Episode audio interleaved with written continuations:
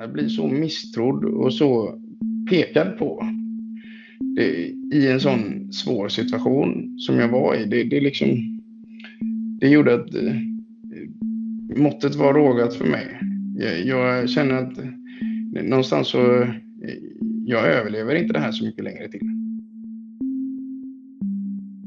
Jag och min sambo pratade igenom det här och vi kom liksom fram till att det finns bara ett sätt som jag kan få tillbaka min livskvalitet på.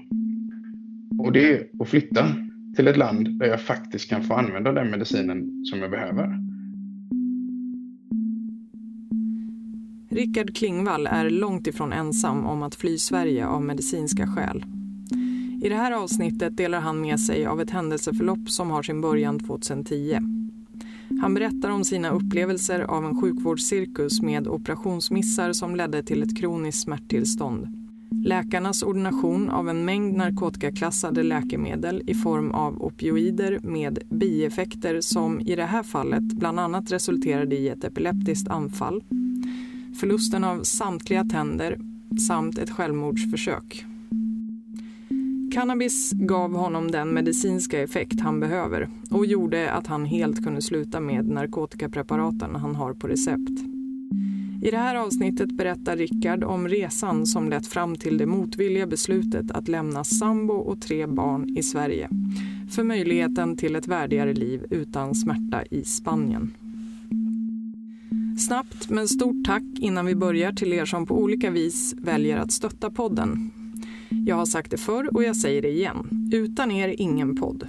Vill du supporta regelbundet och automatiskt med pytteliten eller jättestor summa varje gång jag släpper ett nytt avsnitt kan du göra det via patreon.com cannabispodden. Det uppskattas lite extra eftersom det ger mig ett sorts hum om poddbudgeten. Men vill du hellre donera via Paypal så går det lika bra. Eller swisha så är du välkommen att göra det till nummer 0702 88 11 59. Tack och varsågoda. Då säger jag välkommen till Cannabispodden, Rickard Klingvall. Tack, kul att vara med. Ja, det tycker jag också. Du har just nu och planerar en flykt från eh, fru och barn i Sverige för att eh, bli medicinsk flykting i Spanien. Det stämmer. Det är varför? ganska långtgående plan planerat. Ja, varför då?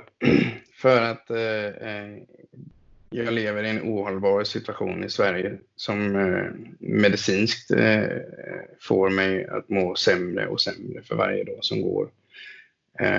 och jag har utforskat och uttömt alla möjligheter att leva i det svenska systemet utan att få problem och utan att få konsekvenser. Och nu har jag kommit så långt att jag har inget annat val. Det är inte frivilligt. Eh, eh, jag lämnar en sju månaders bebis och två döttrar på nio och tolv år och en sambo och familj och bra förutsättningar bakom mig, eller här i Sverige helt enkelt, eh, som jag inte hade velat lämna. Men jag måste, för annars så kommer jag antingen så kommer jag inte, inte överleva eller så kommer jag sätta mig själv i en rad problem, eh, både mig själv och min familj som inte som jag helt enkelt inte vill sätta min familj i.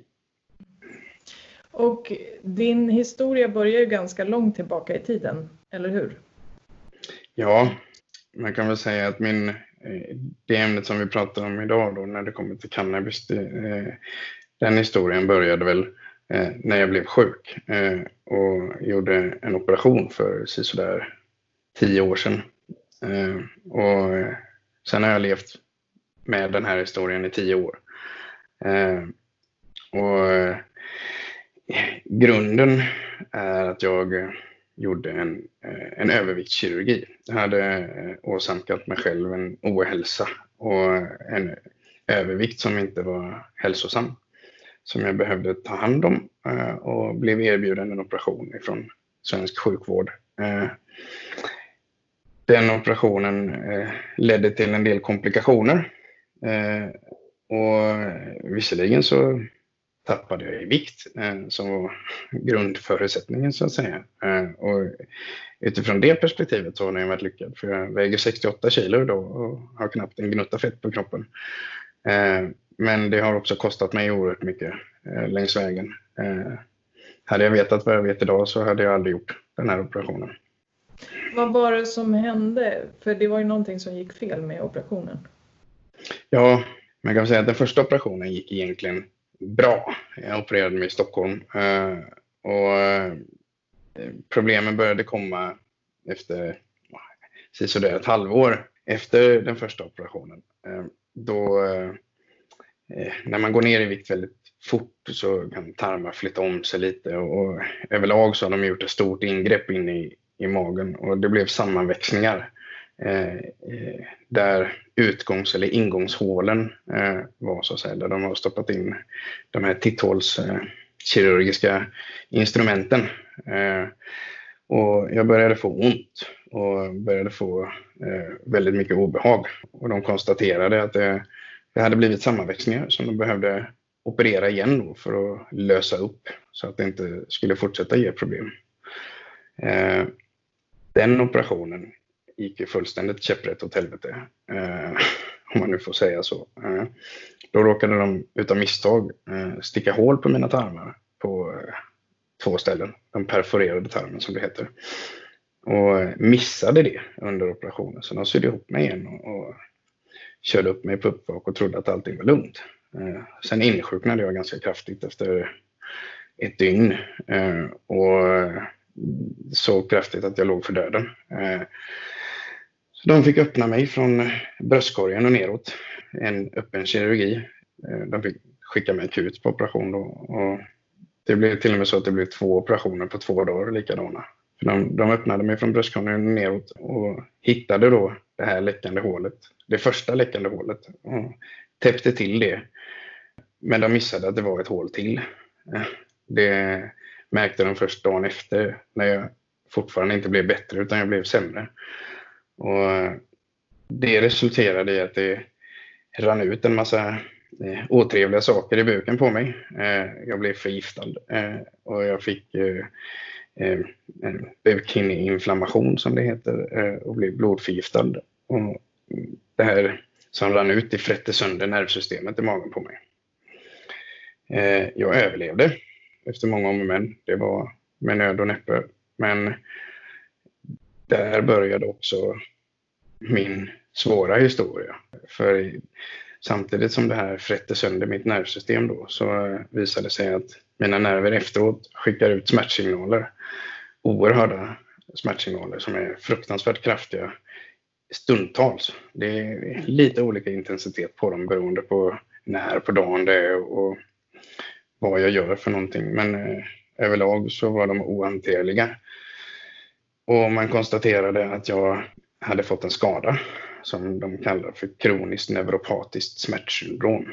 Mina nerver skickar ut smärtsignaler som inte finns. De har blivit så skadade så de, de tror att jag har ont fast jag inte har det.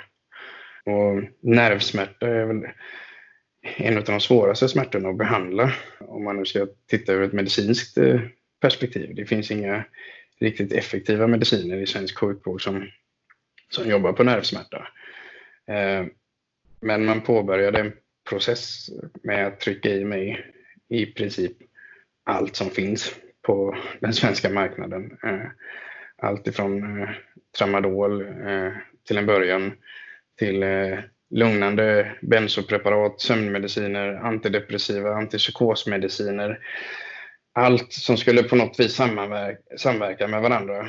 Och eh, den ena medicinen skulle skapa vissa bieffekter som man medicinerade med en annan medicin. Eh, och till slut så stod jag på en 10-12 olika mediciner sam samtidigt och jag visste knappt vem jag själv var.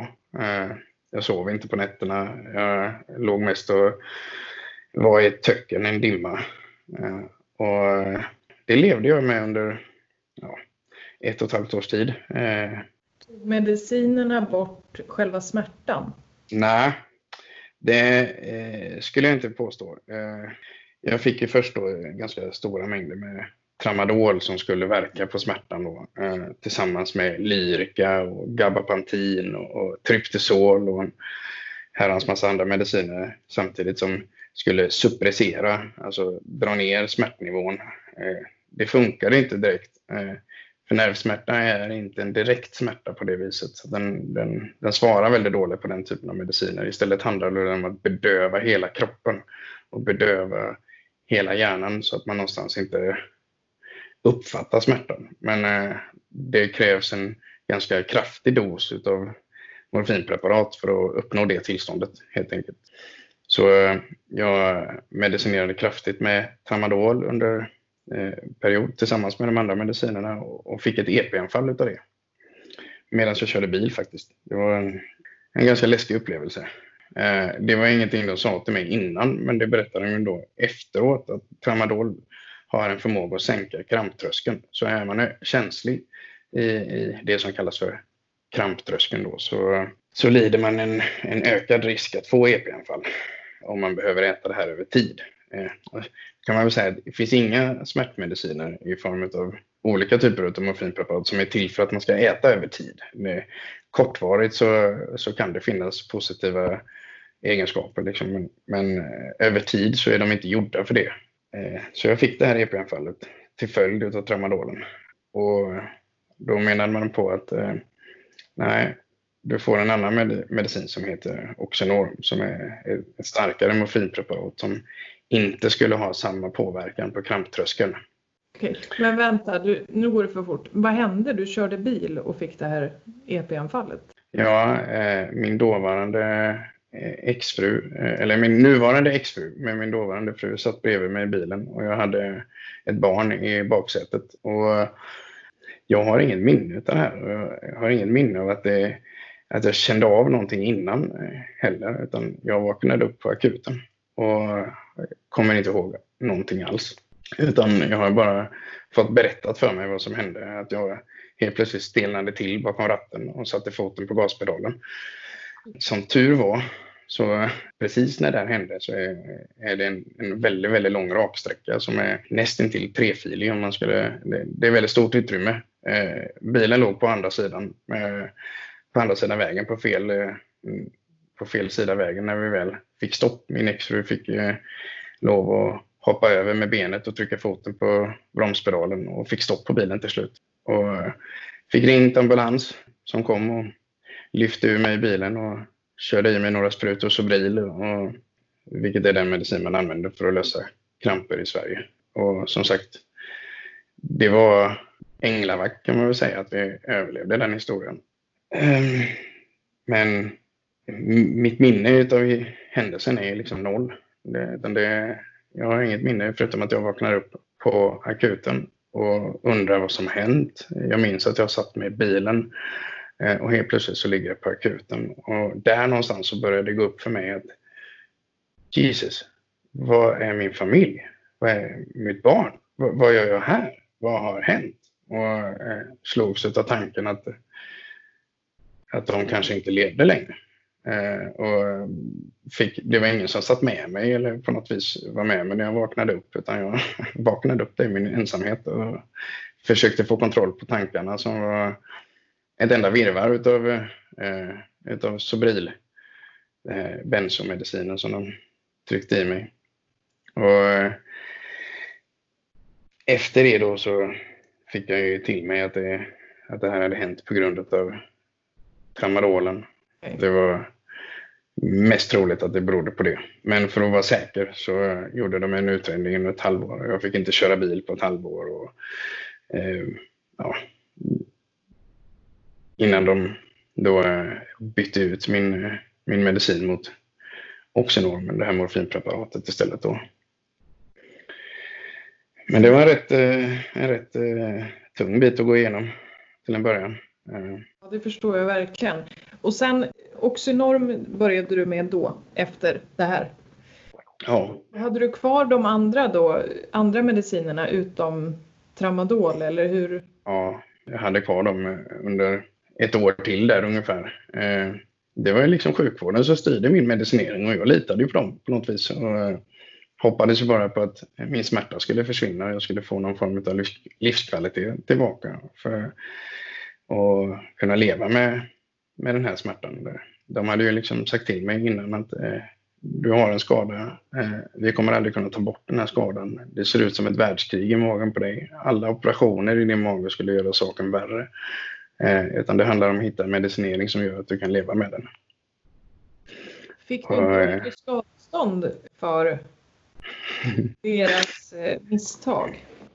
Ja, alltså det här eh, misstaget som skedde under operationen. Det finns ju en, en viss kalkylerad risk som man eh, någonstans får gå med på när man opererar sig. Man skriver under papper och, och eh, tar på sig att det, det, det, kan hända grejer under, under en operation. Men just det som hände här, det ska inte hända. Eh, man menar på att eh, med den kunskap som kirurgerna har som genomför de här ingreppen så ska det här inte hända. Eh, så jag anmälde händelsen till patientförsäkringen. Och de gjorde en utredning och konstaterade att det var kirurgens fel helt enkelt. Och jag fick visserligen skadestånd, men jag fick skadestånd bara för ärret som det skapade över magen. Inte för smärtan eller för det som det senare skapade. Så jag fick 8000 i skadestånd. Det var lite mindre än vad jag fick betala för att ligga inne på sjukhus de två månader som jag låg inne på sjukhus efter. Så eh, det genererade ingenting i slutändan utan det kostade mig istället. Eh, jag försökte ju någonstans också få eh, ett skadestånd som skulle Eh, vad ska man säga, täcka upp för den inkomstförlust som jag fick på grund av att jag inte kunde jobba något mer. Eh, för jag hade ett rätt bra jobb med en hyfsad inkomst. Eh, jag hade utbildat mig på universitetet och, och jobbade som familjehemskonsulent eh, fram tills den dagen jag opererade mig. Eh, och helt plötsligt så över en natt så förlorade jag 10 000 i inkomst varje månad. Eh, och jag menade på att eh, i och med att det beror på ett misstag från sjukvården så hoppades jag på att få någon form av hjälp ekonomiskt för att stötta upp det. Men eh, då var det beslutet som jag fick från patientförsäkringen var att i och med att jag hade en massa antidepressiva mediciner och antipsykosmediciner och också var sjukskriven av en psykiatriker eh, på grund av att jag också blev deprimerad till följd av detta. Så kunde de inte med säkerhet konstatera att min sjukskrivning berodde på operationen. Utan eh, det kunde bero på att jag mådde dåligt också, eh, mentalt. Var deras, eh, det var deras hänvisning. Eh, och där någonstans så tappade jag min förmåga och ork att driva den processen. Jag, jag var så illa däran och orkade inte kämpa emot så att jag det var bara att tacka och ta emot för de där 8000 och sen har jag, mitt liv varit ett helvete sedan dess. Innan operationen, mådde du bra innan på alla sätt? Liksom? Med tanke på det du precis berättar att de eh, menar då att det kunde lika gärna bero på depression och sådana saker. Ja, när det kommer till den mentala hälsan eh, så, eh, så mådde jag bra. Jag jobbade fulltid fram tills den dagen jag opererade mig, eller dagen innan. Men eh, sen den dagen som jag opererade mig så har jag varit sjukskriven och aldrig kommit tillbaka till någon form av livskvalitet eller arbetsförmåga. Nej. Och vad händer sen? Du åker hem med Oxynorm som tillägg i medicinskåpet. Ja, jag åker hem med Oxenorm eh, och blir tvungen att medicinera med Oxenorm tillsammans med sömnmediciner och, och eh, jag, hade, jag hade tre gånger rekommenderad dos eh, Imovan som är en sömnmedicin per natt. Jag hade tre stycken 7,5 mg tabletter per natt för att ens kunna somna in. Eh, hade ganska höga doser Oxenorm som jag i princip fick höja hela tiden för tillvänjningsprocessen på morfinpreparat är, är ju oerhört snabb. Eh, det räcker med någon vecka så helt plötsligt så får du inte samma bedövande effekt på kroppen utan du behöver öka dosen hela tiden. Och det finns egentligen ingen stopp på det utan det bara ökar och ökar och ökar. Tillsammans då med att jag, att jag blev deprimerad och mådde fruktansvärt dåligt personlighetsförändrad.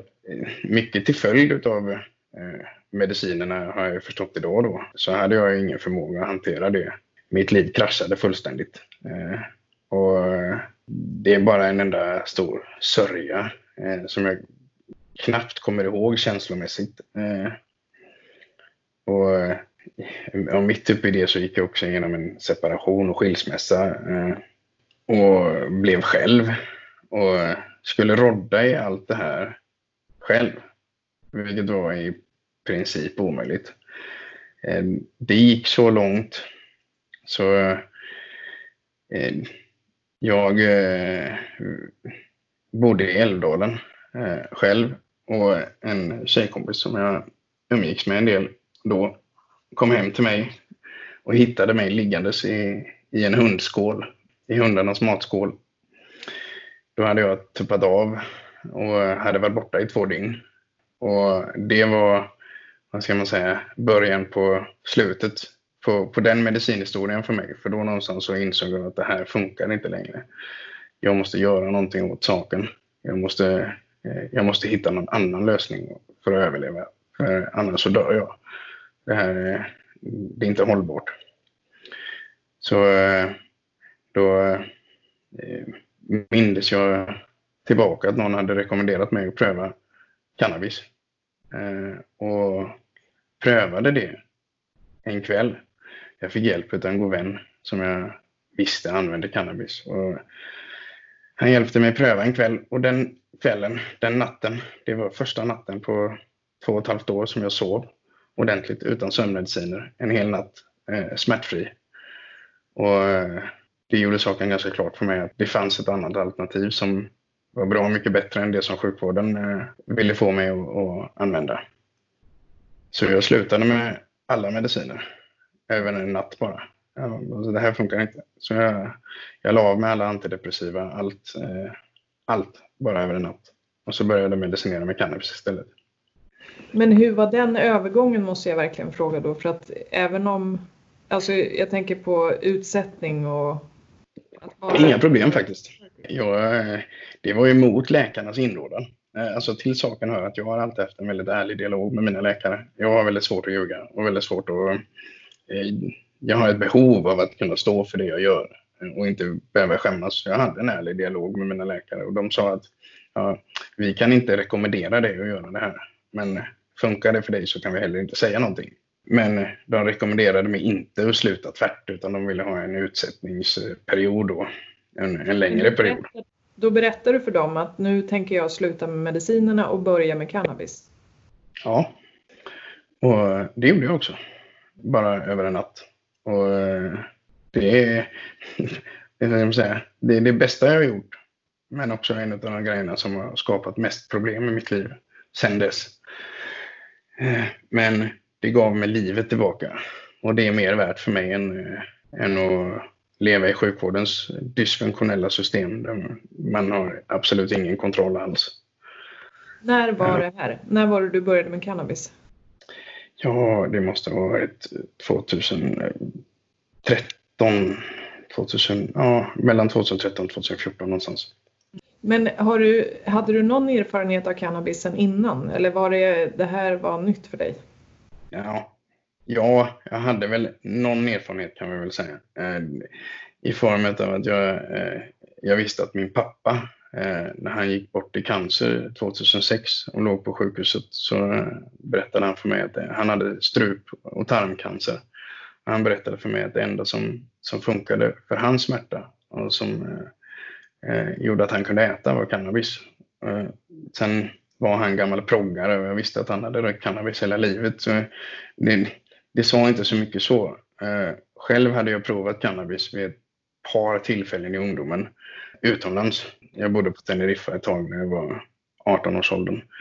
Och eh, inställningen till cannabis där är annorlunda jämfört med den i Sverige helt enkelt. Så jag provade cannabis vid ett par tillfällen, men fick ganska dålig erfarenhet av det. Jag, eh, jag har väldigt svårt för att bli berusad. Jag tycker inte om den känslan och jag tycker inte om känslan av att tappa kontrollen över mig själv. Och jag medicinerade ju inte. Det är en oerhört stor skillnad på att använda cannabis sporadiskt och medicinera med cannabis. Och, så jag, jag blev ju det som man kallar för hög och, och stenad och det var ingenting som jag uppskattade. Så jag, jag prövade ett par gånger men sen var det inte mer med det. Sen dess har jag aldrig prövat. Innan jag blev sjuk då. Så vad skulle du säga är skillnaden på eh, sättet som du provade cannabis då och sättet som du började använda cannabis eh, för att medicinera? Ja, för att förklara det så, så behöver man vara ganska Eh, tydlig med att förklara att eh, om man likställer cannabis, eh, om man eh, tar bort ordet cannabis och sen säger man att det är medicin och så tänker man att på samma sätt som många andra mediciner, antidepressiva till exempel, så eh, finns det en insättningsperiod. Där man, när man sätter in en antidepressiv så, så brukar man säga att ja, men vi, vi trappar upp det här försiktigt under två veckor till exempel, eller tre veckor. Eh, för i början så kan man få oönskade bieffekter. Man kan bli lite yr i huvudet, man kan bli lite så. Eh, och man rekommenderar att man kanske inte ska köra bil innan man är eh, har kommit i fas och cannabisen fungerar precis på samma sätt. Det som människor kallar för att bli hög eller för att bli stenad, det är för mig en bieffekt, en oönskad bieffekt som kommer vid insättning. Det är ett insättningssymptom. Eh, nu idag så har jag en ganska stor kunskap om, om cannabis och det endokannabinoida systemet i kroppen eh, och har någonstans lärt mig att eh, det handlar om att du har depåer i kroppen. Som när du, om du använder cannabis sporadiskt så fyller du aldrig upp de depåerna tillräckligt för att få en medicinsk effekt. Utan du, du får en kortvarig effekt som eh, eh ofta blir psykoaktiv, eh, man blir hög. Medan man under en längre period, om man sätter in den här medicinen försiktigt och använder den konstant, så fyller man upp sina cannabinoiddepåer och då börjar helt plötsligt kroppen portionera ut cannabinoiderna ganska lagom, vilket gör att det tar bort fullständigt den psykoaktiva delen. Du blir inte hög, du blir inte påverkad på det viset, utan du får en kroppslig effekt som är medicinsk helt enkelt, på samma sätt som en antidepressiv. Och där är skillnaden då, eh, att när du använder cannabis konstant, utan avbrott, så kan du få uppleva den medicinska effekten. Men att när du inte gör det så får du den, de oönskade bieffekterna i, i, min värld då. Det finns ju de som tycker det är trevligt också, men eh, det är ingenting som jag är ute efter. Men du, röker du eller äter du eller hur, hur intar du din cannabis? Jag har prövat alla sätt som finns att intaga cannabis. Eh, det började med att jag började röka, för det var det enda sättet som, som jag visste om då. Det var ingen som lärde mig det här. Alltså, utan någonstans har jag fått skapa mig all kunskap som jag har själv. Tyvärr. Jag önskar att jag hade haft någon form av guidning i början, för man går på en hel del nitar längs vägen. Och får jag föredra någonting, så idag så använder jag en vaporizer. Jag förångar alltså cannabisen och också tar bort mycket av de skadliga effekterna som, som möjligtvis kan uppkomma. Eh, Äta cannabis får, det, det, kan man göra och även använda det medicinskt på det viset. Men det får en effekt som jag inte kan kontrollera på samma sätt. Jag, eftersom att min smärta ofta kommer ganska akut och jag behöver någonstans medicinera den akut så får jag en, en, en bättre, vad ska man säga, jag får en bättre kontrollerad effekt, eh, även om den är mer kortvarig än om man äter cannabis. För när du äter cannabis så, så får du effekten. Sen, Sen ökar den under många timmar och du, kan, heller inte bry, du kan heller inte bryta den utan du, du får helt enkelt vänta ut tills den är färdig. Eh, Medan eh, vaporisera den så kan jag mikrodosera mycket enklare och styra effekten på ett mer kontrollerat vis. Och det är väl det sättet som passar mig bäst helt enkelt. Hur mycket cannabis behöver du för att må bra? Alltså hur mycket behöver du bruka eh, på en dag till exempel? Ja, om, om vi säger så här då. Eh, om jag ska eh, byta ut eh, cannabisen eller om jag ska byta ut morfinet som jag, jag har alltså utskrivet 100 eh, stycken 10 milligrams Oxynorm per månad. Eh, ja, alltså, det är 30 milligram om dagen. Och om jag ska då byta ut det fullständigt, för jag har en ganska stort behov av smärtlindring. Och då behöver jag använda i runda slängar någonstans mellan 100 150 gram per månad. Och eh, det är en ganska stor mängd. Men i, i många andras ögon sett. Men samtidigt så eh, mängden spelar egentligen inte så stor roll. utifrån att det är effekten som spelar roll. Och även om du använder mycket cannabis så får jag jämfört med någon som röker cannabis en helg så är effekten på mig mycket mindre påtaglig kan man säga. Det går inte att se på mig att jag är påverkad för jag är inte påverkad på det viset helt enkelt. Jag, jag har en medicinsk effekt men för att få den medicinska effekten det låter lite paradoxalt eh, på något vis att en mindre mängd cannabis skulle få större effekt än en större mängd. Men det är så det funkar. Så du började då bruka cannabis? Yes. Och sen då? Ja, eh, sen är ju mitt problem då att jag, att jag pratar lite för mycket och jag, jag har inget intresse av att skämmas för någonting. Så att jag, jag var ju ganska öppen med både mina läkare och mina nära runt omkring och tänkte väl att eh, de som fanns runt omkring skulle förstå min situation. Men eh, det visade sig ganska snabbt att så var inte fallet, utan det var eh, i jämförelse med medicinerna som sjukvården tryckte i mig så är cannabis är fullkomligt oaccepterat. Och bara man nämner ordet cannabis så drar människor öronen åt sig. Till saken hör jag också att jag i detta läget dels jobbade som familjehemskonsulent eh, och jobbade med vård och behandling av människor som levde med aktiva missbruk. Eh, Eh, men jag satt också i socialnämnden och sociala utskottet eh, för kommunen och tog beslut om hjälp till, eh, till människor som hade beroendeproblematik bland annat. Jag hade väldigt mycket människor som jobbade i den världen runt omkring mig. Och eh, jag blev utfryst, utpekad och tappade i princip Ja, jag blev utkastad från eh, sociala utskottet, socialnämnden. Jag fick orosanmälningar på mig. Jag, eh, polisen kom hem, eh, eh, även från de som var nära då. Min dåvarande exfru accepterade absolut inte eh, det, utan det var bättre att äta morfin och bli dum i huvudet än att använda cannabis och få livskvalitet. Så hon, hon ringde polisen på mig. Och eh, det i sin tur resulterade i en händelsekedja som jag lever med fortfarande idag. De drog in mitt körkort, de gjorde orosanmälningar, jag fick ögonen på mig, jag blev av med mitt jobb, jag blev av med mitt nätverk. Jag hade inte en människa som kom och hälsade på mig på två års tid. Du blev av med ditt jobb. Hur löd motiveringen till det då? Det fanns ingen motivering. Utan jag bara blev av med det. Ingen sa någonting. Det var ingen som hörde av sig. Det var ingen som eh, stöttade mig. Det var ingen som förklarade någonting. Utan jag bara blev utfryst och helt plötsligt så, eh, så hade jag ingen möjlighet att, att, att, leva det liv som jag hade kämpat för att, för att skapa på något vis. Måste jag fått en uppsägning tänker jag. Någon måste ju ha sagt någonting. Nej, det bara flöt ut. Okej, okay, du kanske, var du timanställd eller? Nej, nej.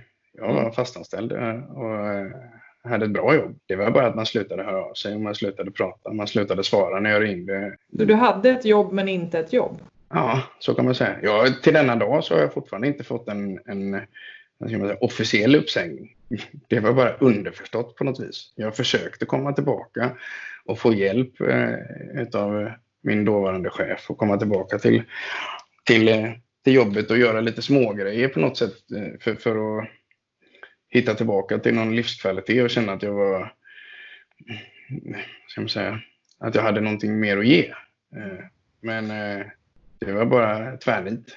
Jag förstår. Men vet du vad, det blir lite rörigt nu så jag tänker att vi ska reda ut det. För att var det så att du var sjukskriven och sen ville komma tillbaka till jobbet men inte, fick, inte var välkommen? Så var det. Ja. Yes, så var det. Jag blev ju sjukskriven samma dag som jag opererade mig då och sen försökte jag komma tillbaka till, till jobbet. Men eh, den första tiden så medicinerade jag med, med morfinpreparat eh, kraftigt och det var i princip omöjligt för mig att komma tillbaka till någon form av jobb då. Det hade aldrig funkat för jag var så skev i huvudet och så skev i kroppen och, och Eh, det har jag full förståelse att man inte hade velat ha mig på en arbetsplats. Eh, framförallt inte när man har en arbetsplats där man jobbar med människor med beroendeproblematik. Det, det, jag har förståelse för det. Så eh, det kan jag inte klandra någon för. Det jag kan klandra någon för var väl att jag inte fick något stöd i det. Det är väl mer det då, eller någon form av förståelse. Sen när jag väl fick tillbaka lite livskvalitet och arbetsförmåga så eh, var inte det accepterat för att det berodde på cannabisen. Men hur fick du tillgång till cannabis? Började du odla eller hur betedde du med hela den eh, biten?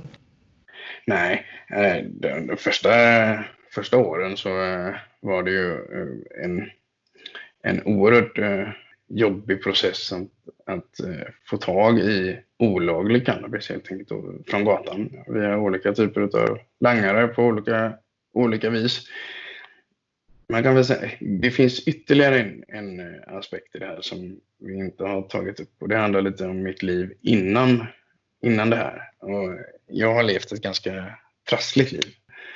Jag är uppvuxen på barnhem och fosterhem och utsatt för alla övergrepp som du kan tänka dig. Eh, fysisk, psykisk misshandel, slavarbete, you name it. Och det resulterade i att jag eh, hamnade i fängelse när jag var 19 år. Och eh, jag satt i fängelse i nästan fem år. Mm. Eh, under den perioden... Det var brott, eller hur? Ja, det var smugglingsbrott. Det var, vi, vi smugglade narkotika utomlands.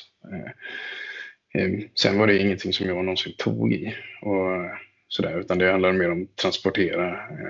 Jag var 19 år, jag hade inga fräscha referensramar runt mig, inget nätverk som kunde hjälpa och stötta mig eller säga vad som var rätt eller fel. Utan, eh, jag blev utslängd på gatan den, dagen jag var 18 år. Då blev jag av med mitt LVU. Socialtjänsten hade haft försorgen om mig under hela mitt liv fram tills jag blev 18. Sen när jag blev 18 så helt plötsligt så skulle jag klara mig själv. Och, eh, jag bodde på gatan under perioder och blev tvungen att på något sätt försöka hitta något sätt att försörja mig själv. Och eh, det var det som fanns runt omkring mig. Och jag eh, tog en hel del dumma beslut eh, eh, och hamnade i fängelse. Vilket i, i, i sig visserligen är det bästa som har hänt mig. Den perioden är den mest utvecklande tiden i mitt liv. De, de fem åren som jag satt i fängelse är den perioden som jag har utvecklats mest. Men ja, har man levt det livet som jag har levt och aldrig fått chansen att, stanna upp och, och jobba med det själv, utan aldrig fått en trygghet, inte mat på bordet, inte, eh, inte, någon, inte tak över huvudet, inte, inte någon form av rutiner eller struktur. Så helt plötsligt så hamnade jag i en värld där struktur och rutiner var allt. Jag hade mat på bordet, eh, de kom på specifika tider och, och jag fick tid helt enkelt att börja bearbeta mig själv. Jag gjorde eh, ett oerhört jobb eh, där inne och började jobba med min mentala hälsa. Jag träffade psykologer under många, många år och gick i terapi och bearbetade mig själv. Eh, för någonstans så bestämde jag mig ganska tidigt att jag, eh, jag tänker inte sitta de här fem åren och komma ut utan att ha någonting positivt med mig. Jag, jag visste redan, alltså, jag har aldrig varit kriminell på det viset. Det har aldrig varit en värld som har tjusat mig. Jag, och jag visste att jag över allt annat så ville jag inte tillbaka dit. Det, det, var det sista jag ville. Så jag gjorde allt jag kunde för att skapa förutsättningar för att jag inte skulle behöva ta mig tillbaka dit. Så jag läste upp mina gymnasiebetyg. Jag sökte in på universitetet. Jag började läsa rehabiliteringsvetenskap på universitetet inifrån eh, anstalten. En, en utbildning som jag sedan fortsatte när jag väl kom ut. Eh, och skapade förutsättningar för att lämna det livet bakom mig. Så eh, när jag sen blir tvungen att börja medicinera med cannabis och helt plötsligt börja stoppa in halva foten i den världen igen så var det en oerhört stor ångest för mig. Eh, och gjorde väl att jag såg ner på mig själv väldigt mycket eh, samtidigt. Eh, och jag ville verkligen inte vara där. Men jag blev tvungen på något vis. För det var det enda som höll mig flytande. Det var det enda som gjorde att jag tog mig upp ur sängen på morgonen och kunde vara en pappa till mina barn. Och, och eh, det blir paradoxalt. Eh, och, men det var väldigt konfliktfyllt. Och till slut så tänkte jag väl att jag, jag skulle försöka hitta ett sätt att komma ifrån det. Så jag började odla cannabis själv för att slippa vara i den världen. För att slippa behöva ha kontakt med människor som jag inte ville ha kontakt med. Slippa ångest, slippa jagande, slippa bli lurad. För det hände ju stundtals eh, titt som tätt också. Och kvaliteten på medicinen du fick den var, varierade ju från gång till gång. Och, och, det var väldigt svårt att medicinera på ett konstruktivt vis när du inte kan kontrollera produkten som du använder dig utav. Så eh, därav så blev väl valet att börja odla själv ganska enkelt i slutändan. Det gick ju bra en stund eh, tills polisen kom hem och, och, och tyckte att jag inte skulle göra det helt enkelt. De plockade min odling och så, så satte jag skiten igen och var tvungen att ge mig in i den världen återigen. Men okej, okay, vad hände då då? Eh, fick du några straffpåföljder av? Ja, den historien, det, första gången som det hände som polisen kom hem och, och eh, den historien är ganska rolig i sig faktiskt. Jag blev åtalad för en planta som jag hade nere i källaren och eh, hade en åklagare som eh, eh, lyfte upp all min gamla historia och ville liksom på något vis döma mig på gamla meriter. Och fick det att framstå som att jag var en, en absolut hemsk människa i, i rättegången. Och det, det, slutade med att jag fick en, en skyddstillsyn och villkorlig dom eh, där jag skulle genomföra en massa frivårdsprogram. Jag skulle gå och lämna urinprover, jag skulle göra si och jag skulle göra så. Vilket jag inte hade förmågan att göra, för jag var sjuk. Jag kunde knappt ta mig hemifrån. Eh, så jag skötte inte det. För att jag inte kunde helt enkelt. Eh, och i och med att jag var tvungen att sluta äta cannabis, eller sluta eh, använda cannabis, så blev jag också tvungen att börja använda morfin igen. Och det gjorde min förmåga ännu mindre. Eh, så eh, det tog väl ett halvår. Sen så tyckte åklagaren att eh, nej, du sköter det här för dåligt. Så eh, vi vill döma dig till fängelse istället. Så de eh, upphävde min skyddstillsyn och de upphävde min villkorliga dom. Och satte mig i rättegång återigen en gång. Och den rättegången så träffade jag på en alldeles ljuvlig domare som i princip ställer sig upp och, säger att det här är en rättsskandal. Utifrån hur Rickards situation ser ut och vad han har gått igenom så kan jag inte med gott mod ge honom någon straffpåföljd i det här. Så jag, jag, jag kan inte ta bort att, eh, att han har blivit dömd. Eh, för jag hade fått en prick i registret. Jag hade godkänt den. Jag hade inte överklagat domen från första början. Men han upphävde all straffpåföljd. Så han tog bort allting. Eh, och det var också den domaren som eh, rekommenderade mig och gjorde en skrivelse som jag skulle ta med mig till läkarkåren. För att han rekommenderade mig att gå till en, en kunnig läkare och utreda möjligheten för mig att få cannabis på recept. Okay. Och där börjar nästa nästa del i historien. Mm. För det innebär att jag i slutändan går till min läkare med, med den här domen och ber om att få en remiss till smärtenheten på, på Borås sjukhus och, och träffar en överläkare där som eh, eh, har en viss erfarenhet av cannabis som medicin. Eh, och eh, efter många om och men så eh, kunde han väl eh, någonstans eh, tycka att det var en idé att pröva den här medicinen. Eh, nu finns det bara en medicin i Sverige som eh, inte är ett licenspreparat i, idag. Det var det då. Eh, och det är en spray som heter Sativex eh, som innehåller en viss mängd CBD och en viss mängd THC. Så eh, nu är det väl sju år sedan jag fick den utskriven första gången. Sex kanske, sex år sedan. Ja sex år sedan är det då. Men eh, han påbörjade och initierade behandlingen med Sativex. Då, då var det väldigt få människor i Sverige som hade fått den här behandlingen förut. Och en behandling som han egentligen inte visste någonting om heller. Utan han menar väl på att du kan det här bättre än jag. Så jag vet inte hur mycket du ska använda och när du ska använda det. Utan du får pröva dig själv. Helt enkelt. Eh, och eh, jag började använda den här medicinen. Eh, och den hade väl en viss effekt, men inte alls samma effekt som jag hade upplevt eh, på vissa andra sorters cannabis som jag hade använt genom åren. Och framförallt inte eh, på ren eh, cannabis i blomform. För det är en oerhört stor skillnad på koncentrerad, ett koncentrat där man har lyft ut två stycken cannabinoider och eh, jämförelse med eh, blomformen där du har cannabinoider som ja, du kanske har en 300-400 olika cannabinoider som samverkar med varandra. Om man då lyfter ut två, två av cannabinoiderna och tror att du ska få samma effekt på det jämfört med 300 så eh, det funkar inte riktigt så. Utan eh, det fick en viss effekt men det var inte tillräckligt för att, för att jobba aktivt på min smärta. Så jag var tvungen att använda morfin tillsammans med Sativexen för att det överhuvudtaget skulle bli någorlunda hållbart. Och där satt jag liksom i skiten igen.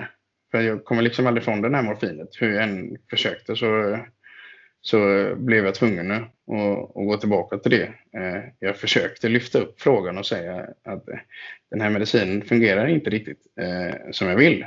Det finns licenspreparat som eh, man kan ansöka om i blomform som faktiskt kan ge mig den hjälpen. Men det var inte på tal om. Det, under alla år så har det inte varit någon som har vågat ta i den frågan eller överhuvudtaget hjälpa mig i det. Utan, eh, lyfter du den frågan så ses du som en missbrukare, garanterat. Och mycket handlar om att jag hade mer kunskap än de som, som jobbar med det. Och det, det blev ganska paradoxalt jobbigt. För det blir som att jag ska förklara för läkarna vad som är vettigt för mig. Och läkarkåren är ganska stolt i sig. Eh, så någonstans eh, får du dem att känna att de inte vet vad de sysslar med. Så eh, är det lätt att du blir utsatt kan man väl säga. Och, och pekad på, eller misstrodd framförallt. Och är du då en, en kille med tatueringar som har en bakgrund så då sitter man i en ganska dålig sits. Mm. Okej, okay, men så då körde du på med morfinet och satte växeln i alla fall då, trots att det inte funkade så bra?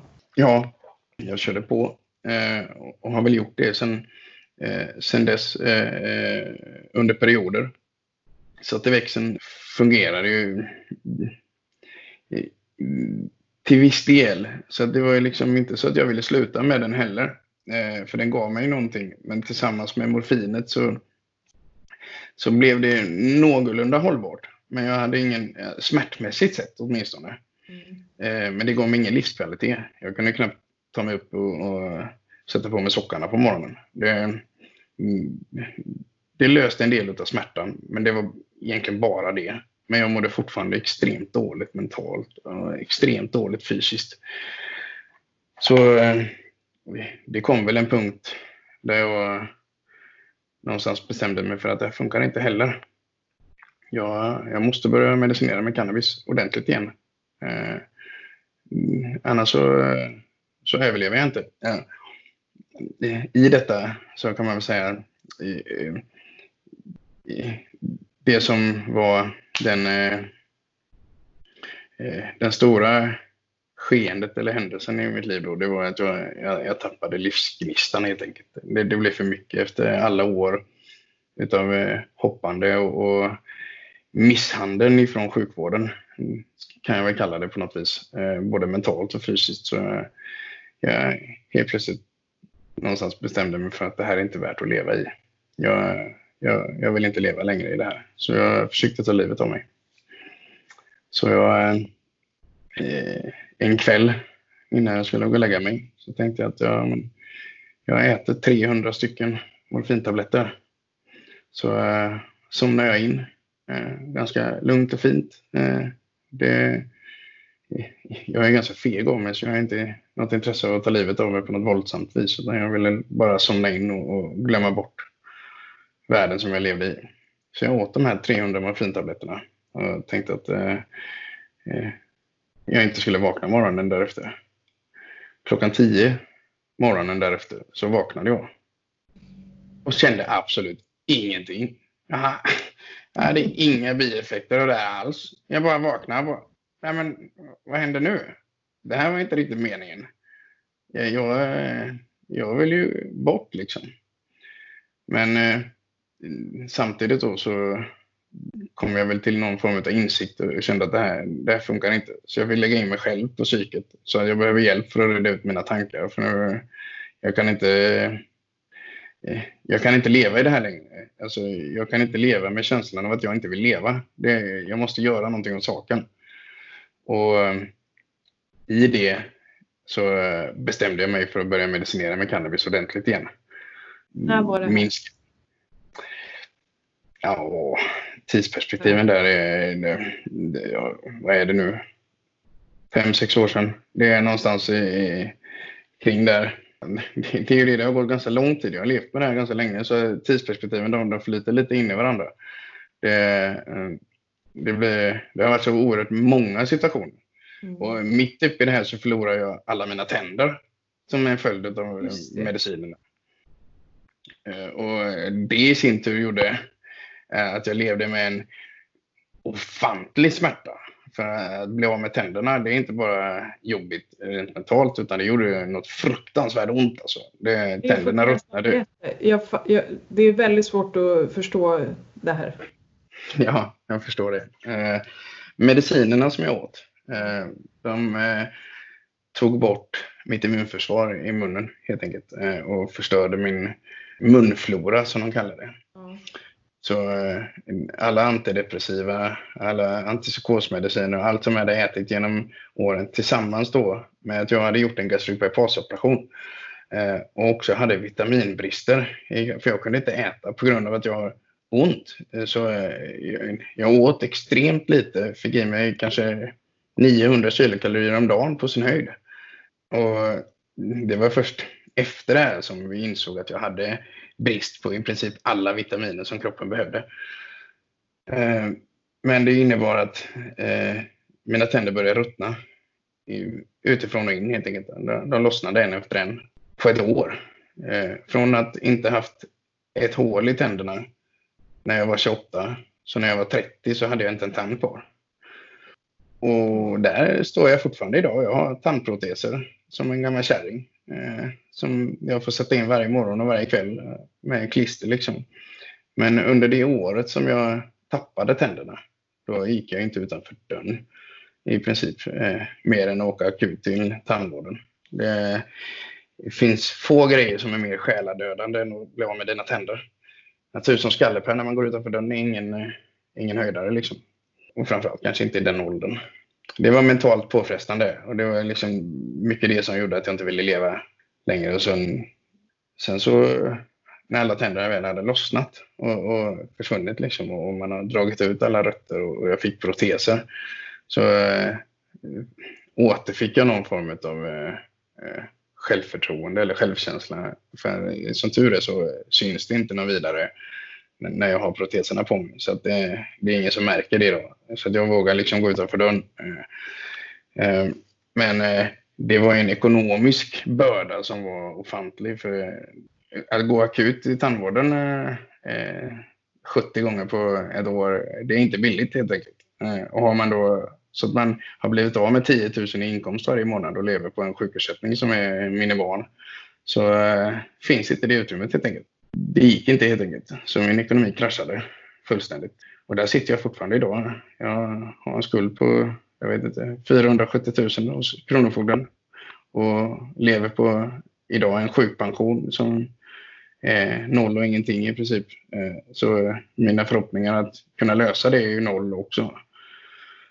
Och allting på grund av att jag blev sjuk liksom. Det, ja, jag vet inte vad jag ska kalla det men det tragiskt kan jag väl säga i, i slutändan. Det var inte så jag hade planerat mitt liv. Nej. Så.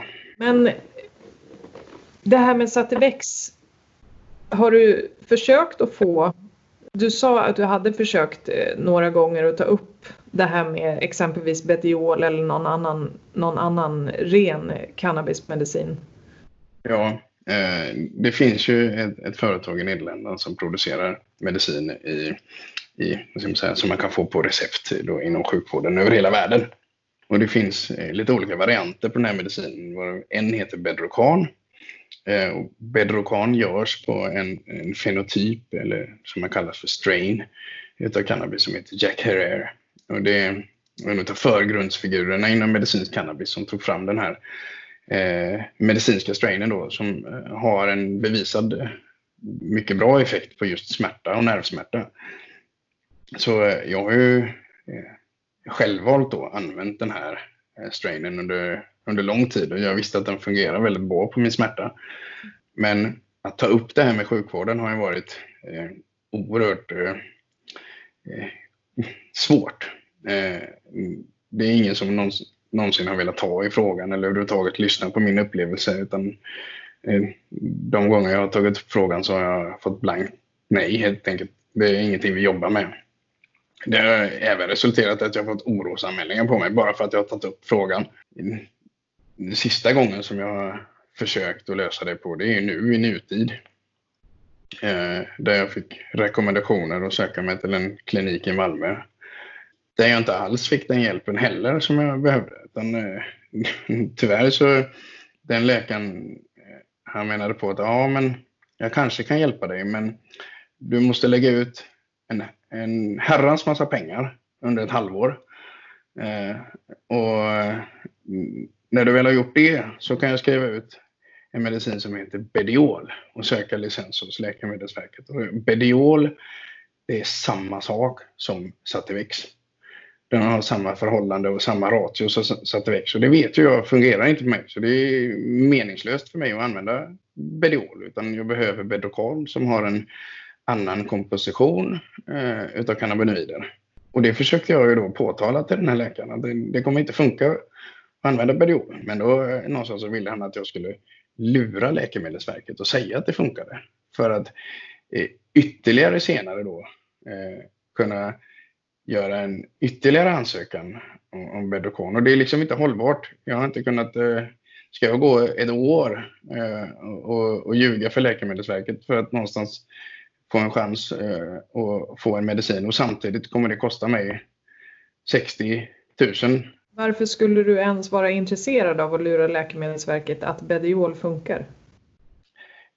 för, för enligt honom då så godkänner inte Läkemedelsverket att man ansöker om Bedrocan från början. Utan man måste pröva en annan medicin först.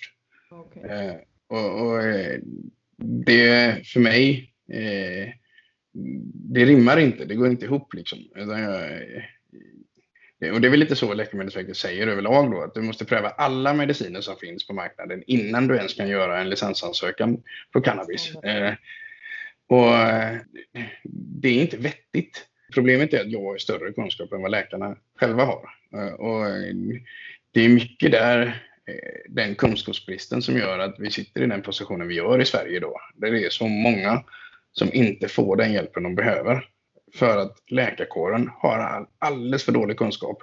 Läkemedelsverket har alldeles för dålig kunskap om hur det faktiskt fungerar.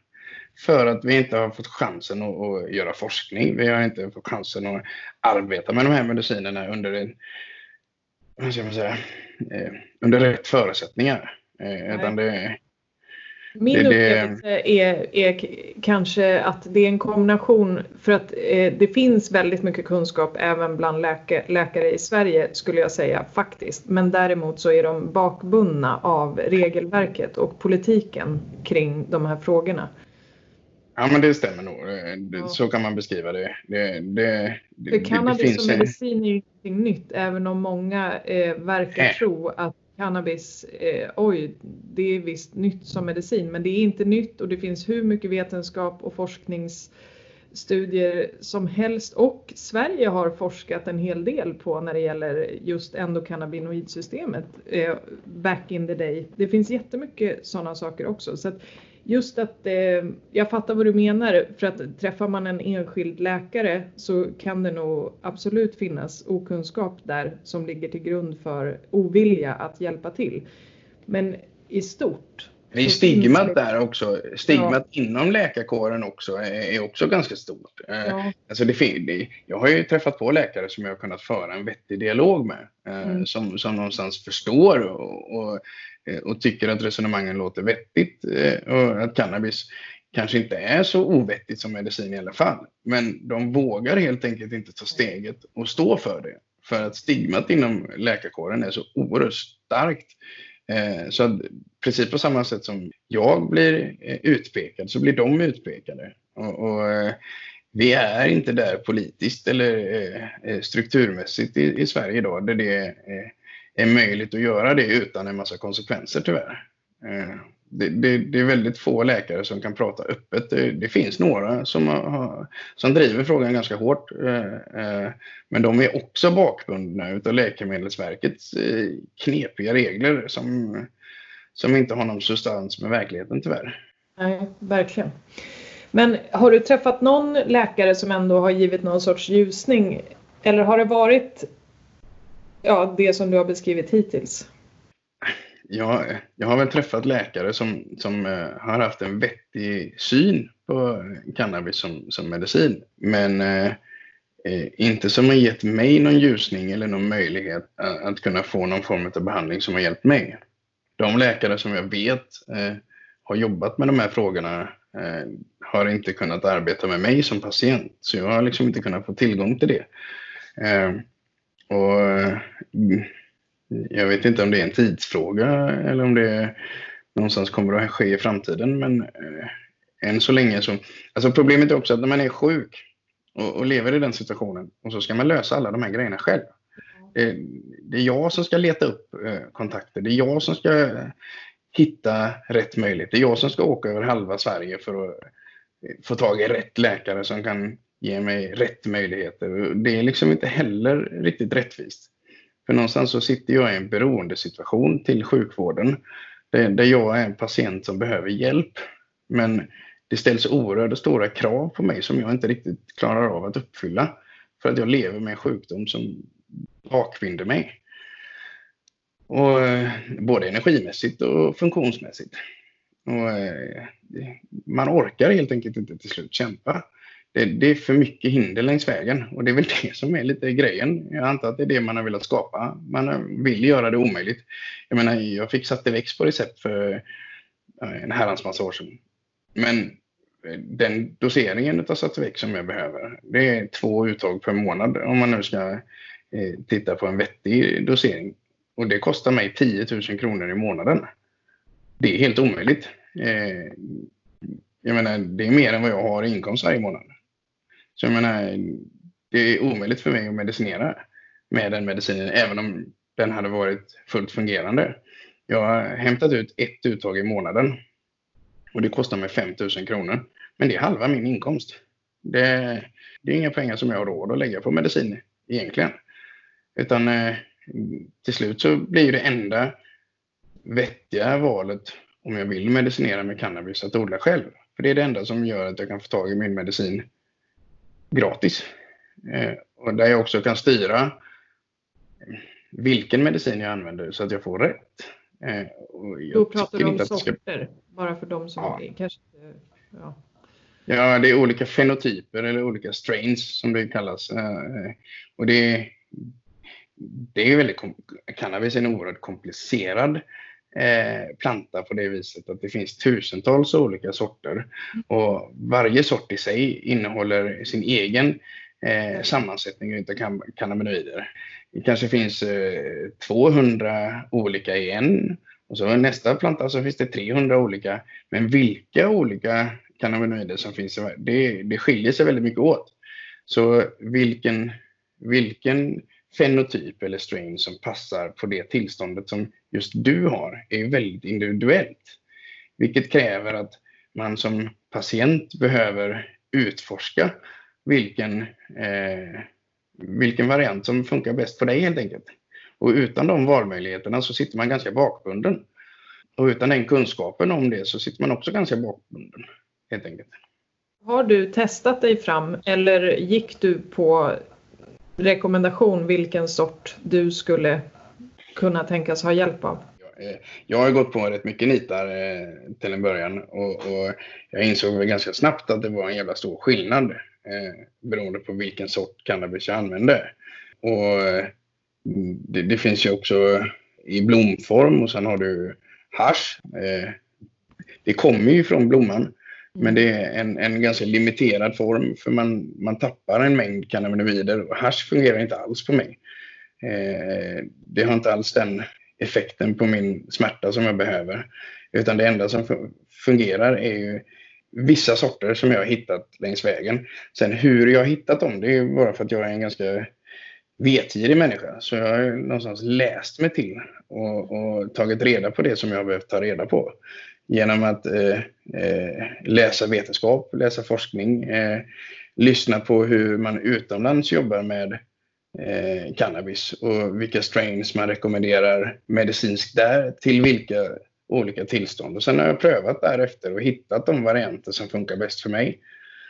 Ehm, men det är en ganska komplicerad process.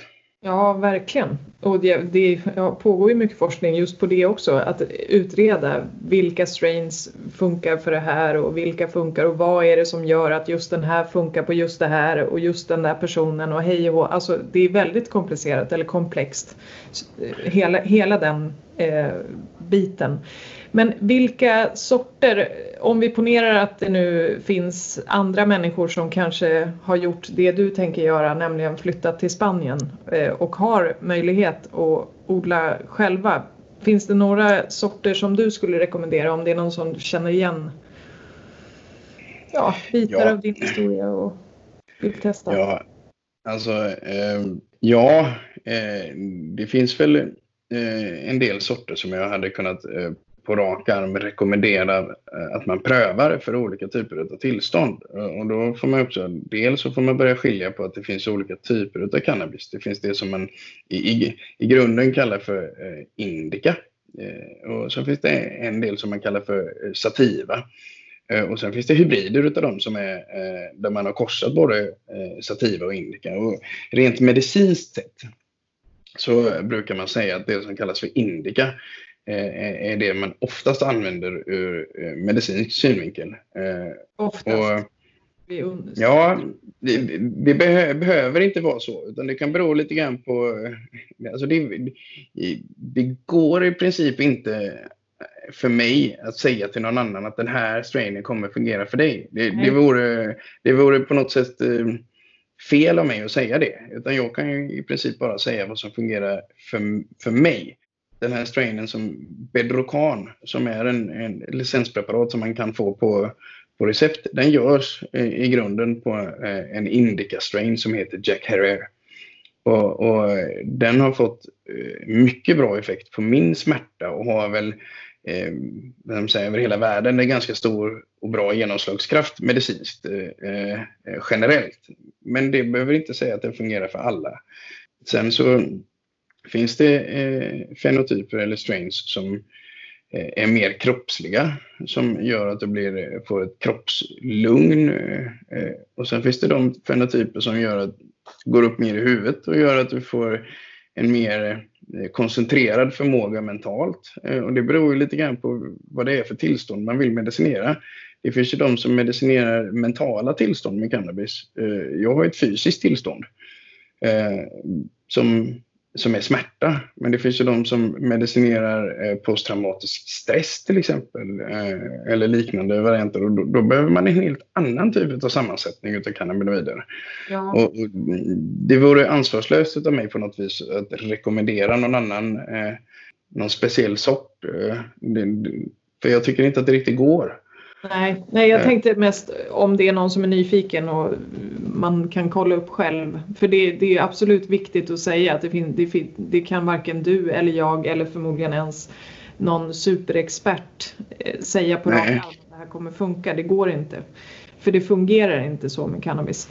Men eh, nej, det var, jag tänkte mest om det var någon som var nyfiken på vad du hade testat och vad som funkade för dig. Ja, jag, jag har ju testat eh, det, det mesta som går att testa eh, kan man väl säga. Eh, och, och eh, kommit fram till att i, när det kommer till smärttillstånd eh, och till att få bättre sömn eh, så är det indikadominanta strains som överlag är det mest fungerande. Sen vilken av de indikadominanta strainsen som fungerar bäst, det är svårare att säga. Mm. Så vad var det som gjorde att du till sist bestämde dig för att nu är det så här det blir, jag flyttar till Spanien? Ja,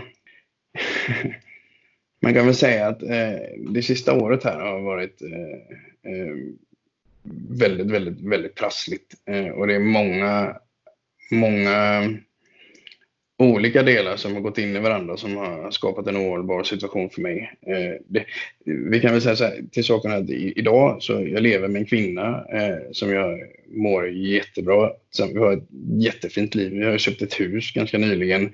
Vi har en bebis på sju månader eh, och, och eh, jag är pappa till flera barn i familjen och eh, det finns ingenting i mig som egentligen hade velat lämna det. Det hade jag haft något annat val så hade jag stannat i Sverige och, och levt det liv som jag egentligen vill leva. Eh, men sen eh, i och med att jag har tvingats medicinera med cannabis olagligt, eh, för det är det som funkar för mig. Eh, och det enda som gör att jag har kunnat hålla mig från morfinet, så eh, har det satt mig i en del problem. Och man kan väl säga att det fick sin kulmen strax innan årsskiftet. När, dels när polisen började sin operation Rimfrost. Eh, det var första steget i, i, den historien. För när de påbörjade operation Rimfrost så ströp tillgången på, på olaglig cannabis, som vi kan kalla det då, så eh, sköt priserna i höjden. För det är en sellers market eh, helt enkelt. Eh, den cannabisen som fanns på marknaden, eh, den blev helt enkelt tre gånger så dyr. Vilket gjorde att det var helt omöjligt för mig att ekonomiskt kunna medicinera med cannabis på det viset som jag behövde. Sen så kom nästa stora slägga. Då kom coronan. Och när corona kom så ströps tillgången på cannabis till hela Sverige. Eh, I princip. Vilket gjorde att jag blev tvungen att eh, börja odla cannabis igen. Och eh, det kulminerade i att polisen kom hem och plockade odlingsutrustning av mig. Och eh, visserligen hade jag ingen odling igång då, så att de tog bara min utrustning. Men i, i vilket fall som helst så har det sista halvåret varit för mig fullkomligt omöjligt eh, att få tag i cannabis som jag behöver. Eh, utan det har inneburit att jag har fått börja medicinera med morfin igen Eh, ganska kraftigt. Och eh, senast resulterade det i början på maj att jag fick åka ambulans till sjukhuset. För mina smärtor var så eh, ohållbara så jag behövde hjälp att medicinera bort en smärttopp. Då blev jag anklagad utav läkaren som jag mötte på akutmottagningen att vara missbrukare för att jag gick in och ber om att få morfin som sjukvården har spenderat många år med att ge mig. Och eh, det resulterade i orosanmälning. Det resulterade i utredning från socialtjänsten med mera, med mera. Och i slutändan så eh, kom jag och min sambo fram till att jag kan inte leva så här. Okej, den här orosanmälningen. Mm. Den är jag lite nyfiken den, på att förstå. Jag, jag, förstår inte riktigt. Läkaren... Det är så här jag kommer inte in. Jag får akut. Min sambo ringer ambulans för att jag ligger hemma och gråter och skriker på golvet och eh, tar mig inte ur en smärttopp. Och min medicin är helt enkelt slut. Jag har ingen morfin kvar hemma. Jag ska få det en söndag. Och jag ska få medicin i medicin på måndag, alltså dagen efter. Eh, men eh, normalt sett så försöker jag bita ihop. Men den här söndagen så lyckades jag inte utan det var en sån fruktansvärd kraftig smärttopp. Så min sambo får ringa ambulans eh, och jag får åka in till sjukhuset. Och där förklarar jag precis som det är. Att jag, eh, jag mår jättedåligt, jag har jätteont. Jag får ny medicin imorgon, men jag behöver hjälp idag. Eh, jag har en läkare som skriver ut min medicin eh, som jag har en kontakt med sedan många år. Eh, som har följt mig och min, min situation de senaste två och ett halvt åren. Och kommer in till akutmottagningen i fruktansvärt dåligt skick. Jag har inte sovit på 12 dygn. Eh, har fruktansvärda smärtor. Och eh, försöker förklara för dem att ni behöver inte göra någon direkt utredning. Ni behöver inte göra CT-scans. Ni behöver inte trycka i med kontrastvätska. Ni behöver inte göra de här grejerna för jag vet vad som är fel. Eh, utan det enda jag behöver just nu är att medicinera min smärttopp. Jag behöver morfin, för det är det som sjukvården har att erbjuda. Och jag behöver det tills imorgon. Jag träffade på en läkare som var, ja, jag vet inte, jag har nog aldrig känt mig så liten i mitt liv som när jag kom in då. Och i den svåra situationen som jag var i, jag hade svårt att kommunicera. Min sambo fick inte följa med för att det är coronatider så jag var tvungen att åka själv. Eh, och hade svårt att, att, kommunicera. Jag kom in till sjukhuset och ligger på golvet på sjukhuset och gråter och skriker av smärta. Och eh, det kommer in en akutläkare som aldrig har träffat mig förut. Och efter två minuter så säger han till mig att jag är missbrukare. Och eh, det resulterar i att jag blir fullkomligt vansinnig på honom. Eh, och eh, skäller ut honom efter noter och förklarar att jag uppskattar inte att han anklagar mig för att, vara missbrukare. Och jag erbjuder honom att prata med min läkare som faktiskt ringer under tiden jag är på sjukhuset. Eh, och, så han kan få en förklaring på hur, hur, situationen ser ut. Det är han inte intresserad av. Han vill inte prata med min läkare. Han vill heller inte hjälpa mig. Utan eh, det slutar med att jag får skriva ut mig därifrån själv och gå därifrån. Eh, Men utan vad, hjälp. vad vill han göra då istället? Ingenting. Han vill inte göra någonting. Han vill inte ge mig någon medicin alls och vill inte hjälpa mig eh, eh, med min smärttopp heller för den delen. Eh, jag hade ju fått ett par sprutor av eh, ambulanspersonalen när de kom så att jag hade ju löst den värsta smärttoppen precis då. Mm. Eh, och sen ringer min läkare under tiden jag är på sjukhuset och han säger att ja, men jag sitter inte vid en dator just nu, så jag kan inte skriva ett recept. Men jag skriver det så fort som möjligt imorgon bitti. Eh, och eh, sen får jag till mig av den här akutläkaren då att jag är missbrukare. Eh, och eh, eh, det var, alltså att få höra det i den svåra situationen som jag faktiskt var i när jag behövde hjälp, det var det var mer än vad jag klarade helt enkelt. Så jag fixade inte att vara där. Så jag skrev ut mig själv. Min sambo får komma och hämta mig. Och, eh, jag åker hem eh, och får medicin dagen efter igen. Och sen tar det en vecka. Så får jag ett samtal, eller inte jag, utan rättare sagt så får min sambo ett samtal från barnavårdsnämnden i kommunen där vi bor. Okay. Och eh, där, där börjar de säga att ja, vet du om att din sambo är missbrukare? Vet du om att han har en beroendeproblematik? Är han farlig? Eh, är han våldsam hemma? Och min sambo undrar, vad sjutton är det här? Det, det, var jag som ringde ambulansen. Eh, det var jag som ville att han skulle åka till sjukhus. För att jag, eh, jag vägrar i princip eh, åka till sjukhus. Det är den värsta miljön som jag vet om. Alltså. Och, eh, i, kan jag undvika det så gör jag det. Min sambo som har sett mig i den här situationen Mm, ställer sig frågan liksom, eh, var får ni det här ifrån? Hon vet ju hur jag kämpar för att inte äta morfin och vet att jag äter det bara när det är kris.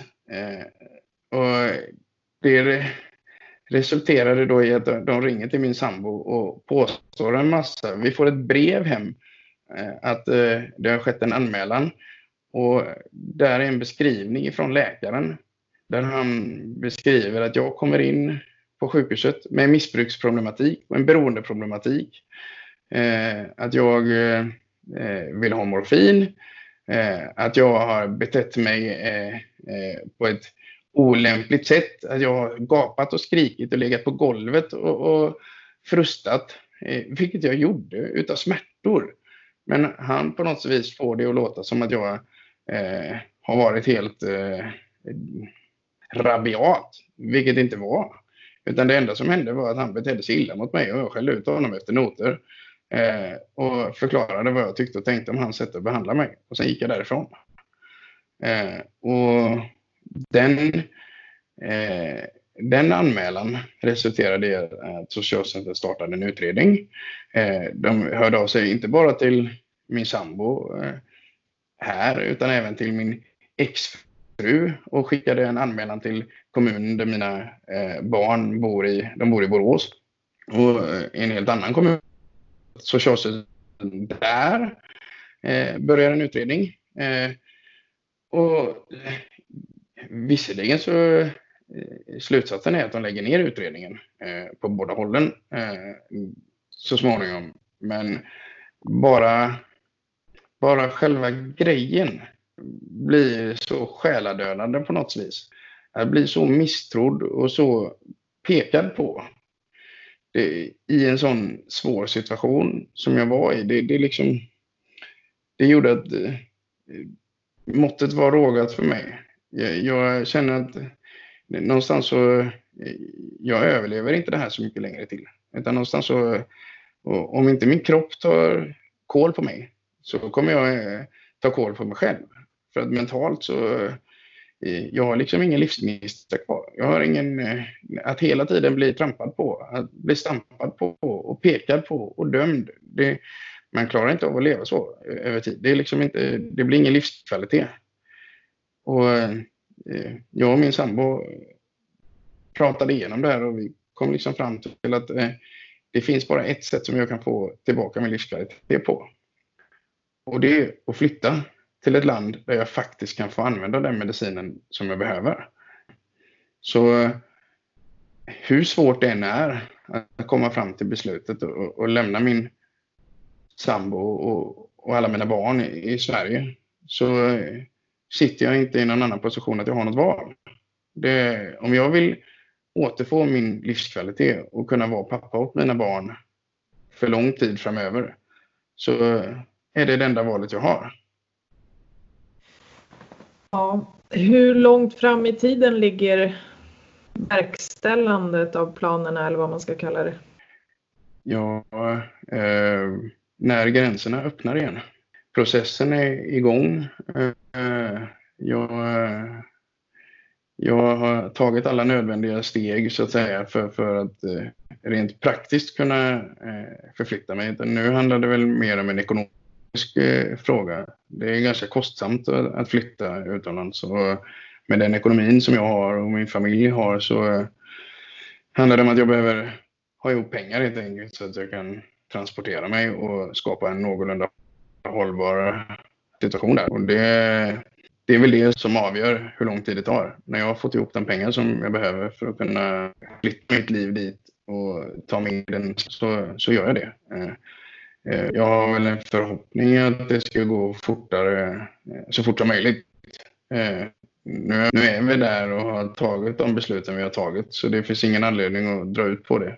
Nej, Nej men eh, jag tänkte på en annan sak som jag glömde fråga förut. För att du har pratat väldigt mycket om eh, baksidorna av att käka morfintabletter och alla mediciner som du har haft, eh, som du har fått utskrivet av sjukvården. Eh, och då tänkte jag på det, har du sett några baksidor med att eh, medicinera med cannabis? Ja, jag har sett många baksidor av att medicinera med cannabis. Men de baksidorna är inte cannabisens fel, utan det är det som samhället i sin tur har skapat. Eh, Okej, okay, men, men inga fysiska? Alltså tvärtom, eh, det har fått lite oanade positiva effekter som jag inte riktigt hade räknat med. Men eh, rent negativt så Eh, min kropp mår fysiskt väldigt bra av cannabis. Jag eh, får en bättre sömn. Jag får, återfår förmågan att äta, för jag får matlust som jag inte alls har annars. Min mentala förmåga blir oerhört mycket stabilare. Jag får en större balans på mitt känslomönster. Och, eh, I kombination med att smärtan blir eh, hanterbar. För cannabisen är ju så här, det är inte så att den tar bort smärtan. Men det gör den mycket mer hanterbar. Det gör att jag mentalt klarar av att hantera smärtan på ett helt annat vis. Rent fysiskt så ja, jag kan bli lite muntorr ibland. Eh, eh, det är väl den, den största negativa effekten som cannabis har haft rent fysiskt på mig. Eh, men i övrigt så, så länge, beroende på vilket sätt du använder cannabisen. Om du röker cannabis och blandar med tobak så finns det givetvis negativa effekter av att röka cannabis. Och även om du röker cannabis utan tobak så kan det ha effekter på luftrören och kan påverka dina flimmerhår. Men om man använder cannabis på rätt sätt så eh, har det väldigt lite fysiska skadeverkningar. Mm. Och nu när du kommer till Spanien, är planen då att du ska skaffa en läkare där som skriver ut eh, cannabispreparat åt dig där eller att du ska börja odla själv där? Eh, dels så är det att cannabis överlag i Spanien eh, har nått en helt annan eh, eh säga, eh, acceptans än vad vi har i Sverige. Så eh, rent juridiskt sett så är det möjligt för dig att använda cannabis i Spanien i ditt eget hem, till eget behov. Du får även odla i ditt eget hem så länge du inte stör någon annan. Men det är inte bara det jag är ute efter utan jag vill också in i den spanska sjukvården. Så jag behöver flytta och skriva mig i Spanien så att jag kan komma in i den spanska sjukvården så att jag till slut kan få cannabis på recept. Eh, Och det i sin tur kommer innebära att jag kan ta med mig min medicin tillbaka till Sverige. Mm, paradoxalt nog. Eh, för jag vill ju också kunna komma hem och hälsa på familj. Och kunna ha med mig medicin. Så eh, det är ganska essentiellt att jag kommer in i den spanska sjukvården och träffar en läkare som faktiskt kan behandla mig med cannabis eh, på riktigt. Mm. Men eh, det finns, man kan ju flytta till eh, Holland, eh, man kan flytta till eh, Tyskland som också använder cannabis i, i sjukvården på ett helt annat vis. Alltså det finns många länder som jobbar med cannabis som, som medicin. Sen till saken hör att min nervsmärta den är oerhört påverkansbar utav klimatet. Så så fort det blir kallt så får jag eh, mycket, mycket ont eh, och, och, min smärta blir mycket, mycket mer påtaglig. Så det finns en annan aspekt som, som avgör varför det har blivit just Spanien och, och, och värmen på Teneriffa eh, utav den anledningen. Eh, ytterligare då så har jag faktiskt bott på Teneriffa Eh, eh, i min ungdom och känner mig hyfsat trygg med den miljön och har kontakter där som hjälper mig eh, att hitta boende med mera. Så det, det, det, har varit det alternativet som har varit enklast för mig. Hade någon annan möjlighet öppnat sig så hade jag givetvis övervägt det. Men det är den, det alternativet som har varit vettigast för mig kan man väl säga utifrån min situation. Sen finns det andra möjligheter som kanske är vettigare för andra. Men eh, det är det som har verkat mest eh, försvarbart ur min, ur min situation kan man väl säga. Ett till scenario som jag undrar över. Om, låt säga att din läkare eh, hjälper dig och fixar så att du kan få Bedrocan på licens här i Sverige och få bekosta ja. den själv. Är det ett alternativ ja. då? fall. Med tanke på att det ju inte lär gå på högkostnadsskydd. För du får ju inte Sativex heller på högkostnadsskydd. Ja, fast det är inte, alltså, det stämmer inte riktigt. Eh, för att de som har fått Bedrocan i Sverige, eh, mm. det finns några som har fått. Eh, när du har det på licens så ingår det i högkostnadsskyddet. Sativexin mm. ingår inte i högkostnadsskyddet, men Bedrocan gör det. Jag vet om som har fått utskrivet 50 gram Bedrocan till exempel. På kvittot så står det 50 000. Och det var kostnaden kostar staten. Eh, Medan eh, patienten i sin tur... Vänta, vänta. Vi måste nog hålla oss lite där. 50 gram cannabis på burk. Yes. 50 000. Yes. Vad köpte du samma mängd för på gatan? 5 000. Ja, mellan 5 och 10. Det beror lite grann på uh, uh, vart och hur mycket kontakter du har. Eh, sådär. Men det, är inte, går inte ens att jämföra. Men ja, eh, eh, man kan väl säga att det läkemedelsföretag som, eh, som gör Bedrocan, eh, det går inte dåligt för dem. Eh, så. Men de är också den enda tillverkaren fram tills nu. Eh, nu läste jag senast igår att det har tillkommit en, en ny tillverkare i Holland som, som gör eh, medicin som ska komma ut på den medicinska marknaden. Men till halva den kostnaden ungefär. Men överlag så eh, det är dyrt att importera Bedrocan till Sverige. Det bra eh, man, ja, det kan man säga. Det, det, som med alla mediciner så är det bra business. Men det, det är lite där man står. Eh, finns det inga pengar i så, så är det ingen som bryr sig. Men så fort det finns pengar i så, så, finns, det, så finns det möjligheter att att påverka systemet, höll jag på att säga. Och det märker vi ju nu sen cannabis har blivit mer och mer accepterat över hela världen. Att det blir mer och mer företag som intresserar sig i, i eh, utav cannabis överlag och investerar i, i cannabisföretag. Eh, det finns ju en del stora eh, ja, eh, multinationella företag som eh, investerar stora pengar i cannabis för att det just är en stor business. Eh, vilket egentligen är ganska tråkigt för att i, i själva verket så pratar man med en planta som jag eh, i all enkelhet hade kunnat odla upp själv helt gratis. Men det är ganska vansinnigt egentligen.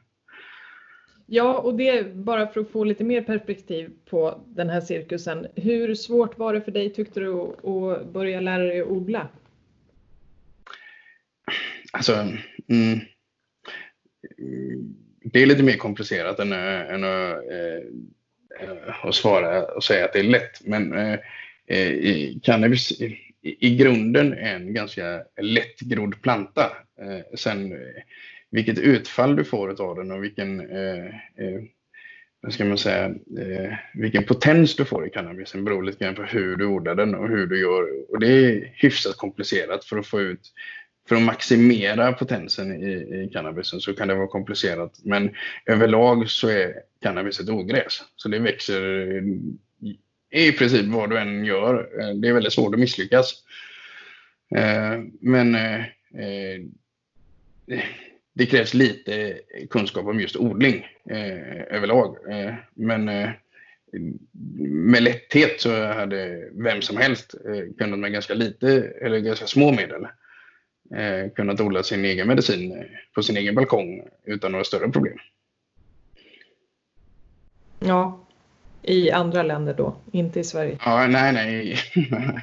I Sverige så kan man ju definitivt inte rekommendera det. Men eh, eh, det är inte så komplicerat som det, som det låter. Men eh, det krävs lite kunskap om grundläggande odling bara. Men i övrigt så, eh, så är det inte, inte jättesvårt. Nej. Nej. Tycker du att det känns som att vi har eh, hoppat över några viktiga grejer? Nej. Eh, jag tror att vi har fått med det mesta. Eh, tror jag. Var hoppas du att du befinner dig i livet om ett år? Ja, eh, ja du.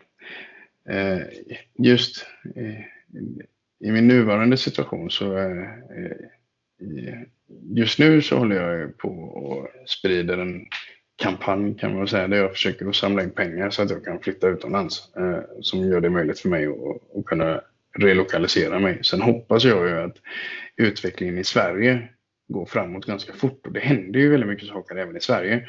Så eh, jag vet inte vart Sverige står någonstans om två år eller tre år. Men vad jag hoppas på det är att jag har möjlighet att medicinera. Och jag hoppas att jag kommer kunna ha livskvalitet oavsett var jag bor någonstans. Eh, eh, det är väl den enda förutsättningen som jag längtar efter. Eh, men om, om två år så hoppas jag att jag mår bra och att jag kan vara pappa till mina barn och att jag har en, en fungerande vardag och får tillbaka min självkänsla. Det, det är grunden det som är viktigast för mig. Sen önskar jag att det hade kunnat vara i Sverige eh, tillsammans med min familj. Mm. Jag hoppas verkligen att det går vägen med, eh, ja, på något bra sätt. Ja, det hoppas jag med. Eh, nu, nu är det som det är och jag får förhålla mig till den verklighet jag lever i. Men jag hoppas någonstans att min historia kanske kan lyfta eh, lyfta en fråga och någonstans också göra att andra människor kan känna igen sig eller få lite igenkänning och känna att de inte är ensamma. Eh, för det är många, alltså min historia är långt ifrån ensam. Det är många som lever i samma sitt som mig och det finns många som har lämnat Sverige på grund av just den anledningen. Och eh, det ska inte behöva vara så. Jag hoppas att vår sjukvård eh, följer med och utvecklingen och någonstans utvecklas den också. Uh, jag hoppas att uh, svenska politiker tar sitt ansvar och uh, omprövar och reviderar den narkotikapolitik som vi har idag också för övrigt. I enlighet med både WHOs och EUs riktlinjer. För det är ju så att Sverige är en bakåtsträvare när det kommer till Eh, den utveckling som sker i, i världen. Och det finns ett oerhört stort motstånd till att ta till sig den nya kunskap som faktiskt dyker upp eh, världen över när vi faktiskt har börjat kunna forska lite mer öppet i frågan och faktiskt kunna prata om, eh, om cannabis just. Så eh, i grunden så hoppas jag att jag kommer kunna leva i Sverige och kunna ha min medicin utan att eh, behöva riskera att eh, bli av med barn och körkort och, och ekonomi och allt vad det innebär. Uh, och så. Det hoppas jag också. Tack så jättemycket för att du eh, delade med dig av din berättelse. Tack själv. Det, det, det är bara trevligt att kunna kunna dela historien och hoppas att den eh, någonstans ger någon annan någonting också. Det är jag helt säker på. Tack så mycket och lycka till, säger jag då. Tack. Som jag sa i inledningen så är Rickard långt ifrån ensam om att fly landet av medicinska skäl. Och även om ingens situation är den andres lik på detaljnivå så påminner väldigt mycket av det han berättar om många historier jag har tagit del av tidigare. Många människor jag har pratat med genom åren som uttryckt att de fått sina liv tillbaka med hjälp av just cannabis har antingen känt sig tvungna att lämna landet eller stanna kvar och mer eller mindre gå under jord eftersom så många delar av vårt samhälle gör cannabismedicinering i princip omöjlig. Tack för att du har lyssnat och tack för att du stöttar Cannabispodden via Patreon, Paypal eller Swish på nummer 0702 88 11 59. Olika doneringsalternativ finner du som vanligt i texten till avsnittet där du som vill hjälpa Rickard även hittar länk till hans insamling. Sist men inte minst, ha en underbar midsommar